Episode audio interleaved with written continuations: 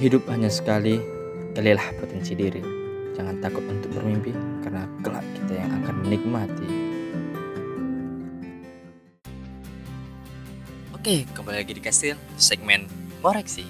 Ngobrol bareng bersama mahasiswa luar negeri. Bersama saya, Nabil Uluan. Teman-teman, kali ini kita sharing-sharing pengalaman kuliah di luar negeri lagi. Kita kedatangan tamu dari negara Polandia, kelahiran kota Serba Masjid, dan kuliah di Vistula University. Langsung saja ini dia, Mifta Aulia Handini, bisa dipanggil dengan Dini.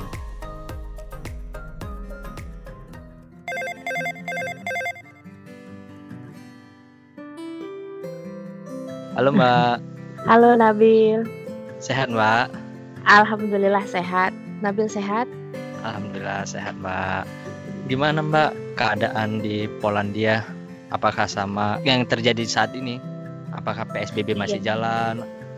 Iya, Alhamdulillah kalau keadaan mungkin hampir sama kayaknya se hampir seluruh dunia ya Nabil ya. Eh, dan di Polandia juga sama, lagi diberlakukan di social distancing dan juga masih penutupan border dan kuliah masih di suspend dan lain sebagainya.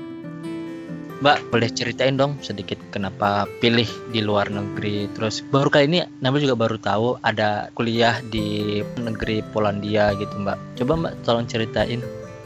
Jadi saya dapat beasiswa dari pemerintah daerah, gubernur kami yaitu Nusa Tenggara Barat. Nah kebetulan programnya pemerintah kami untuk program kuliah ke luar negerinya itu di Polandia. Nah eh, jadinya memang sudah program dari pemerintah. Dan kenapa juga pilih negara Polandia? Karena Polandia merupakan salah satu eh, members dari EU atau Uni Eropa atau European Union. Jadi eh, enaknya tuh kalau seandainya berkuliah di salah satu negara di bawah EU itu kita bisa berkunjung ke negara-negara EU lainnya itu bebas visa. Oh berarti memang udah ada kayak kerjasama antara negara Polandia sama daerah Mbak ya? Iya benar-benar. Jadi memang dari program pemerintahnya sendiri. Keren juga sih Mbak program pemerintah untuk memajukan anak mudanya di- dari situ ya Mbak ya? Iya benar. Mbak, dari sekian banyak universitas di Polandia, kenapa sih Mm-mm. pilih Vistula University, Mbak? Coba dong jelasin tentang kampusnya, Mbak. Iya, pertama karena jurusan ya Nabila. Jadi jurusan yang saya ambil kan memang jurusan pariwisata, eh, tepatnya itu hospitality management. Terus yang kedua, eh, Vistula University ini merupakan kampus internasional yang menampung mahasiswa internasional terbanyak di Polandia. Jadi hampir 70 negara berbeda-beda itu kuliah di Vistula University. Jadi vibe-nya itu lebih internasional gitu. Jadi lingkungannya itu lebih internasional dibandingin sama universitas lain di Polandia. Dia tuh kayak number one-nya kayak dibilang UI atau UGM gitu di Indonesia ya. Enggak, iya nomor satu di sini namanya University of Warsaw atau Universitas Warsawa itu seperti UI-nya di Indonesia. Nah untuk yang Vistula dia nomor satu dalam hal mahasiswa internasional terbanyak yang ada di Polandia. Oke, Mbak. Mbak, kan di sini Mbak udah masuk Universitas Vistula. Terus syarat Mm-mm. masuknya apa aja? Ke Polandia tuh apa sih Mm-mm. yang harus dipersiapin? Ah, sama seperti eh, persiapan untuk kuliah ke luar negeri pada umumnya ya, Nabil. Yang harus dipersiapkan itu adalah sertifikat bahasa Inggris. Jadi sertifikat bahasa Inggris kan ada banyak, ada TOEFL, ada IELTS, ada TOEIC. Nah kalau untuk yang di Eropa sendiri kemarin yang, yang dipakai itu ada standarnya yaitu minimal B2. Jadi mungkin yang teman-teman harus persiapkan itu adalah sertifikat bahasa Inggrisnya yang sejajar dengan nilai B2. Nah, untuk yang TOEFL sendiri B2-nya itu lim- 550. B2 ini skornya itu gitu ya, Mbak ya? Iya, jadi kalau di Eropa kan eh, nilai bahasa Inggrisnya itu pakai tiga angka A, B, dan C. Nah, A itu ada dua, ada A1, A2, ada B1, B2, dan yang paling tinggi atau yang termasuk kategori excellent itu C1 dan C2. Nah, untuk standarnya masuk universitas itu minimal B2. Kalau. IELTS-nya itu 6 ke atas lah ya, Mbak ya? Iya, benar. Kalau IELTS-nya lima setengah. Oh, IELTS-nya lima setengah. Iya, kalau TOEFL-nya 550. Oke, standarisasi kepada semua negara ya, Mbak ya? Yang ya untuk yang di Polandia sendiri. Ya, oke oke. Di Vistula sendiri, Mbak, Mm-mm. apply apply fakultas apa, jurusan apa Heeh. gitu, Mbak? Kalau di Vistula sendiri nama fakultasnya itu Vistula School of Hospitality. Jurusan saya Hospitality Management. Jadi itu berkaitan sama uh, pariwisata. Pariwisata. Oke. Okay. Iya. Mbak semester berapa, Mbak? Sekarang semester 3 Nabil. Bentar lagi tesis ya, Mbak iya. ya? lagi tesis lagi. Lagi tesis. Oke. Okay. Ya, Mudah-mudahan lancar, dicepatkan tesisnya. Amin, makasih Nabil. Mbak, berapa sih range biaya UKT-nya? Terus di jurusan Mbak sendiri UKT yang berapa Mbak? Kalau untuk tuition fee-nya itu biayanya 2000 euro per tahun. Okay. Karena beasiswa itu kan uh, sifatnya dia fully funding. Fully funding itu maksudnya full cover gitu. Dari living oh. allowance, terus juga biaya kuliah, biaya semuanya ditanggung. Nah, jadi kalau untuk biaya berapa kuliahnya, untuk detailnya saya nggak tahu karena dibayarin kan Nabil ya. Tapi kalau untuk tuition fee-nya itu kebetulan kemarin kita juga sempat, sempat dapat info untuk tuition fee-nya itu sebesar 2000 euro. Terus beasiswa apa Mbak yang bisa diambil di dalam kampus dan di luar kampus Mbak? Iya, ini menarik banget sih kalau menurut saya Nabil ya karena ternyata di dalam kampus banyak sekali disediakan beasiswa oleh pihak kampus dan cara mendapatkan beasiswa di dalam kampus itu bisa dibilang tidak sesulit yang kita bayangkan gitu. Bahkan kalau seandainya kita mengikuti syarat dan juga memenuhi semua kriterianya insya Allah dapat. Kalau untuk kampus saya sendiri yang saya sendiri pernah apply dan dapat itu beasiswa Erasmus. Jadi uh, beasiswa Erasmus ini adalah beasiswa dari European Commission uh, berlaku berlaku yang bekerja sama dengan semua negara di EU dan juga negara EEA. Jadi beasiswa Erasmus itu ada dua, ada yang study sama ada yang internship. Yang study itu pertukaran pelajar, kalau yang internship itu beasiswa magang.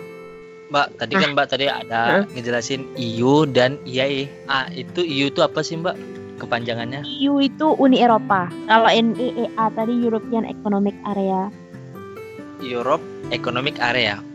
Iya, jadi kan uh, di Eropa itu ada EU, negara Uni Eropa, ada hmm. juga negara yang di luar EU yaitu EEA, European Economic Area. Nah, jadi yang dimasuk dalam EU dan EEA itu dia bekerja sama program Erasmus tersebut. Oke, oke, paham. Di dalam kelas, Mbak, biasanya hmm. memakai bahasa apa, Mbak? Kita uh, jadi di Visula ada dua kelasnya ada yang kelas berbahasa Polish atau bahasa sini bahasa Polandia dan juga ada kelas internasional yaitu yang menggunakan bahasa Inggris. Nah karena saya bukan orang Polandia jadi saya masuk ke kelas internasional dan kelasnya pakai bahasa Inggris. Oke mbak, mbak katanya dengar-dengar da dari teman dan ngeliat dulu searching bahasa paling tersusah di dunia yeah. adalah Polandia. Emang benar? Iya benar bener-bener banget Nabil karena saya nggak bisa juga karena mereka sering menggabungkan huruf konsonan jadi satu. Misalkan contohnya huruf Z gabung sama huruf S huruf S lagi huruf T huruf Z. Pokoknya uh, mereka menyebut bahasa mereka sendiri itu bahasa ular. Karena banyak kayak gitu. Oke oke. Jadi agak-agak rumit bagi kita pelajar yang baru datang ke sana ya Mbak ya. Ya, bayangin aja bahasa ular kayak gimana. Berarti kan kalau oke okay, kita udah syarat sudah terpenuhi gitu kan, pakai hmm. bahasa Inggris dan sebagainya. Kalau hmm. di negara lain kan mau nggak mau kita gitu kan, kalau mau hmm. berinteraksi sama uh, masyarakat gitu, beradaptasi juga kan harus pakai bahasa daerah mereka gitu mbak. Apakah uh -uh. di sana ada karantina bahasa lagi sebelum masuk perkuliahan? Mudahan yang di karantina hanya virus. Kebetulan di sini nggak nggak ada nggak ada Nabil jadi saya dibilang bahasa Inggris itu eh, dipakai di perkuliahan atau mungkin di kawasan yang saya dibilang intas sama internasional. Dan kebanyakan masyarakat lokal itu menggunakan bahasa mereka sendiri. Tapi kalau dari kami sendiri tidak ada training khusus untuk belajar bahasa Polish atau bahasa Polandia itu. Jadi kampus ada cuman berbayar. Jadi selama saya satu tahun di sini saya tidak saya tidak belajar bahasa Polish. Dan alhamdulillah uh, bisa berinteraksi ya seadanya gitu. Mbak, gimana dengan sistem belajar di sana, Mbak? Apakah sama seperti di Indo, kayak buat makalah atau karya ilmiah gitu, Mbak? Iya, harus saya akui kalau sistem belajar di Pistula hampir sama dengan yang ada di Indonesia. Oh, hampir sama. Berarti nggak nggak ada jauh beda lah ya? Nggak terlalu jauh beda. Nah, yang beda itu di negara lain. Kebetulan kemarin karena saya ikut beasiswa dari kampus yang Erasmus itu, Erasmus pertukaran pelajar. Nah, saya sempat ke negara Cyprus. Nah, kalau Cyprus itu beda sekali uh, metode belajarnya sama yang ada di Indonesia. Tapi kalau untuk di kampus saya yang di Polandia 11-12. Mbak, selain kuliah, kegiatan Mbak apa aja Mbak? Uh, kebetulan saya ikut organisasi radio PPI dunia. Mungkin juga Nabil tahu. Jadi untuk sekarang nggak nggak banyak juga yang bisa dilakukan karena selama karantina social distancing ini. Jadi kegiatan saya selain kuliah online, siaran di radio PPI dunia. Cuman itu satu-satunya organisasi yang saya ikutin. Keren sih Mbak. Di Polandia sendiri Mbak udah berapa lama tinggalnya? Di kota apa gitu? Di Polandia sekarang sudah mau memasuki satu tahun setengah karena di ibu kotanya di Warsawa, Polandia. Oh, Warsawa. Beda berapa aja Mbak antara Polandia sama Indo? Lima jam. Berarti nggak jauh beda sama Timur Tengah, eh Mbak ya? Iya, kalau di Tunisia sama di Turki jam kita sama. Oh, jamnya sama Tunisia, Turki. Sekarang lagi musim apa, Mbak? Musim duren kah? Musim rambutan kah? musim corona. Sekarang lagi musim spring ke summer jadi uh, jadi kami mau menuju musim panas Mbak ada nggak rekomendasi tempat tinggal yang nyaman atau budget yang minim yang dekat sama kampus Mbak atau ya. kita nyampe di Polandia harus tinggal di asrama? Kalau untuk tempat tinggal itu banyak optionnya. Yang pertama itu bisa di dorm. Dorm itu sejenis asrama yang disediakan oleh beberapa kampus tertentu. Jadi itu yang bisa dibilang dari pihak kampus yang menyediakan untuk kita dan itu yang paling affordable untuk mahasiswa cocok. Nah terus yang kedua itu ada student house. Jadi student house itu sama seperti asrama tapi lebih bebas. Jadi dia itu di luar regulasi kampus. Terus yang ketiga ada yang kalau mau lebih independen tapi biayanya lebih mahal jauh lebih mahal itu flat atau apartemen. Nah terus yang terakhir itu ada Erasmus House. Erasmus House ini gratis tapi Nabil bisa tebak deh kalau seandainya gratis seperti apa. Mbak biaya kehidupan di sana gimana Mbak? Terus gimana dengan makan? Di sana tiga kali sehari berapa? Termasuk mahal apa enggak sih Mbak kalau menurut saya sih Nabil, kalau dibandingin sama negara-negara Eropa lain, uh, Polandia termasuk yang terjangkau karena Polandia masih menggunakan mata uangnya sendiri yaitu zloty. Gimana zloty itu jauh lebih murah daripada euro. Biasanya negara Eropa yang menggunakan mata uang euro penghabisannya lebih tinggi. Nah, kalau untuk yang masih kalau zloty masih terjangkau kalau menurut saya. Dan di sini alhamdulillah tidak susah untuk menemukan bahan makanan hampir terpenuhi, bahkan sangat terpenuhi insya Allah gini mbak kalau kita kan orang Indonesia apalagi dengan khas Indonesia sambal atau segala macam lah ya. Apakah masih kita harus beradaptasi lagi atau pindah ke makanan mereka gitu mbak Nah, awal-awal sebelum saya ke sini saya juga mikir kayak gitu Nabil. Kayak wah kayaknya saya nggak bakalan lihat beras lagi, nggak bakalan lihat sambal atau mungkin cuma bakalan makan roti. Itu pemikiran saya sebelum ke sini. Ternyata setelah ke sini semua itu insya Allah ada gitu. Walaupun mungkin nggak selengkap yang kayak di rumah ya tapi uh, sambal dan semua itu insya Allah ada, ada semua. Bahkan terus di sini ada Asia Market terus juga ada tempat daging halal, insya Allah semuanya ada kalau untuk makanan. Jadi nggak usah takut-takut atau susah kayak gimana. Alhamdulillah yang penting kalau teman-teman yang dengar gitu ya Mbak setidaknya mereka hmm. udah pikir sana ada yang dibutuhkan tapi setidaknya yang yeah. di Indonesia ya berkurang lah ya kan Mbak. Mm -hmm. Paling yang nggak ada itu kayak kangkung, terasi, terong bulat. itu kalau yang benar-benar nata banget pingin Indonesia. kalau yang selebihnya sih ada, tambal semua. Indomie masih ada lah ya Mbak ya di sana. Indomie masih ada, iya. Indomie kan uh, worldwide berada di ada di seluruh dunia Indomie. Oke mbak. Lalu mbak kalau kita kuliah di sana, ada nggak mbak waktu kosong untuk kerja part time? Ada banget karena hampir semua teman-teman saya yang dari Vietnam, yang dari Afrika, benua Afrika maksudnya, hampir semua teman-teman saya di Fistula itu kerja part time, yang dari India. Kerja part time juga ya? Kerja part time, hampir semua. Oke, berarti yang punya basicnya bukan semua orang kaya juga ya mbak ya. Tapi mm -hmm. kalau misalnya untuk mau kerja part time sudah ada solusinya gitu loh. Iya, bahkan itu juga kerja part time merupakan chance yang besar juga gitu Nabil karena di sini kan bisa dibilang gajinya lumayan, bisa untuk nabung atau kalau seandainya misalkan nih orang Indo dan kuliah di sini dapat beasiswa, uh, kerja part time juga menjadi option yang bagus gitu kalau seandainya mau nabung karena kan kesempatan mumpung ada di sini gitu. Betul sekali Mbak. Mm -hmm. Jadi teman-teman kalau mau kuliah sambil kerja udah ada solusinya. Setidaknya meringankan beban orang tua ya kan Mbak.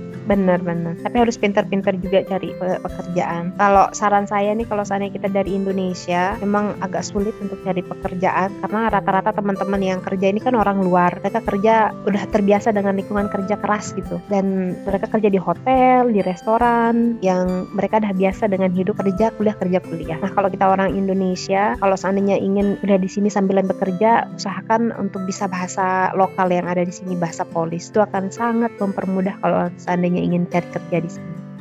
Oke, sangat-sangat membantu banget. Mbak, gimana sih Mbak uang bulanannya ditransfer gitu? Biarpun ya di zaman sekarang ada mobil banking, ya kan Mbak? Kalau saya ya Nabila, kalau pertama kalau untuk living allowance kita yang dari beasiswa itu langsung ditransfer ke akun kita, ke nomor rekening kita pribadi. Nah, kalau untuk yang saya misalkan mau transfer internasional ke keluarga atau mungkin kebutuhan transfer internasional cukup pakai sekarang sudah banyak aplikasi transfer online. Nah, saya nggak mau iklan sih ya, tapi saya pakai TransferWise. Itu sangat mudah. Jadi nggak perlu pakai perantara apa-apa. Jadi hanya transfer saja selesai. Jadi teman-teman tuh harus tahu ya kalau misalnya mau transfer nggak usah pusing aduh pakai apa lagi dan sebagainya. Nggak usah iya. pakai kayak zaman dahulu lagi. Kalau bisa pakai merpati. Merpatinya kena corona mati deh. Oh ya mbak. Kalau liburan kuliah sama teman-teman biasanya jalan ke mana aja mbak kebetulan saya nggak pernah kalau untuk yang di wilayah Polandia sendiri saya hanya ada di kota Warsawa saja. Tapi kalau teman-teman saya karena memanfaatkan bebas visa tersebut banyak yang keliling ke berbagai negara ikon yang ada di Eropa. Jadi mereka kemarin summer pada jalan-jalan ke Paris, ke Jerman, ke Italia, ke Switzerland, semuanya pada pergi karena bebas visa dan tempat enaknya nih Nabil kita bisa karena itu pakai bus. Misalkan dari Solo Jerman itu bisa pakai bus karena tidak jarak atau tempat ke tempat yang lainnya dekat dan bebas visa. Jadi kalau yang mau jalan-jalan ya silahkan. Mbak, apa bedanya kuliah zaman dulu sama zaman sekarang, Mbak? bedanya di teknologi karena sekarang lebih mudah sekarang semua bisa serba online materi bisa di download dan juga semuanya bisa ada dalam genggaman, genggaman tangan kita lebih cepat gitu loh. Kumpulin tugas lewat email. Nah kalau dulu kan harus lama gitu ya semuanya tuh serba pakai kertas dan lain-lain. Sekarang semuanya serba digital. Kalau ya itu sih yang saya lihat yang bedanya yang dulu sama yang sekarang kalau kita kan sekarang baca buku pakai tab atau yang semuanya serba ada lah ya di teknologi ya. Bener, semua bener. bisa kita download. Tapi kan feelnya itu kan nggak dapat kayak kita jilat ludah baru buka lagi lembaran yang lain gitu kan mbak. Di ditempelin apa kertas yang tebal nanti untuk tanda baca kita. Kan gitu. Iya, itu sih feel feelnya yang nggak dapat kayak zaman dulu sih. Ada plus minusnya lah Betul sekali Mbak. Mbak boleh share sedikit dong suka dukanya selama kuliah di sana? Selama kuliah di sini sukanya sih banyak ya Nabil ya karena bisa membuka jendela kita lebih luas gitu. Ya jendela dunianya lebih luas, linknya lebih luas, pergaulannya lebih luas. Kita juga belajar hal baru banyak, beradaptasi juga dengan sesuatu yang baru gitu. Jadi ilmunya benar-benar luar biasa. Hikmahnya juga banyak gitu loh. Jadi sempat mikir gitu kalau wah keluar negeri ini lebih asik dan lebih indah daripada negara kita sendiri. Ternyata pas kita di luar negeri baru kita lihat gitu gimana indahnya Indonesia itu, gimana lengkapnya Indonesia. Itu sih hikmah yang paling saya rasain gitu. Dulu saya sempat mikir kalau udah di luar negeri saya nggak mau balik gitu, mau diam di, di luar negeri aja kayaknya lebih menjanjikan kehidupan di sana. Tapi ternyata apa yang kita punya jauh lebih kaya. Betul, Mbak. Oke, oke. Setidaknya bisa uh, membagi ilmu yang apa yang kita serap di negara orang ya kan, Mbak? Benar sekali, Nabi. Karena banyak yang kita dapatkan hal-hal baru yang insya Allah kalau seandainya kita balik ke negara kita bisa kita bagi, share kepada yang belum mengetahui informasinya. Amin. Mudah-mudahan bisa terbawa suasananya dari negara orang ke negara kita biar bisa negara kita lebih maju lagi ya Mbak ya. Amin, iya. Kayak yang dilakukan Nabil kayak podcast ini kan juga bermanfaat gitu sharing informasi. Yang tidak tahu jadi tahu. Gitu. Betul Dan sekali. Saya senang sih bisa bersharing informasi. Alhamdulillah. Alhamdulillah. Eh, setidaknya Nabil tuh ya berjalan keliling dunia ya dengan sharing ini aja lah dulu Mbak sebelum ada rezeki ya. untuk keliling. Iya, insya Allah. Dari a will, dari a way. Ada keinginan, ada jalan. Betul tuh Mbak. Mbak, sebelum mengakhiri sharing kita kali ini, ada nggak hmm. kata-kata yang ingin Mbak sampaikan yang dapat memotivasi para kaula muda agar lebih semangat menuntut ilmu, Mbak? Kalau saya pribadi sih tetap terhadap apa yang kita inginkan, karena walaupun kelihatannya tidak mungkin, tapi kalau seandainya kita terus berusaha, insya Allah uh, berusaha dan doa, insya Allah kita pada saat waktunya akan datang, itu akan jadi waktu waktumu, insya Allah bakalan dapat. Jangan patah semangat aja, tetap berusaha. Tidak ada kata tidak mungkin kalau Allah sudah pun payakun. Kalau Allah sudah berkehendak maka terjadilah. Maka terjadilah, iya apa pun impian kita ya ya biarpun mimpi itu gratis ya sekarang tinggal membuktikannya aja betul iya, benar benar oke mbak terima kasih sudah meluangkan waktunya untuk mampir ke podcast ini uh, semoga sharing kita kali ini menjadi tambahan informasi untuk yang mau lanjut studi di Polandia di Vistula University iya amin amin sukses juga buat Nabil ini ya robbal alamin Hidup hanya sekali, galilah potensi diri. Jangan takut untuk bermimpi, karena kelak kita yang akan menikmati. Seburuk-buruknya manusia pasti ada sisi baiknya, sebaik-baiknya manusia pasti ada sisi buruknya. Khairun nasi anfa'uhum linnas. So, thank you for today and finally kalian bisa share podcast ini ke seluruh jaga sosmed kalian, baik Ting dan Podcast and see you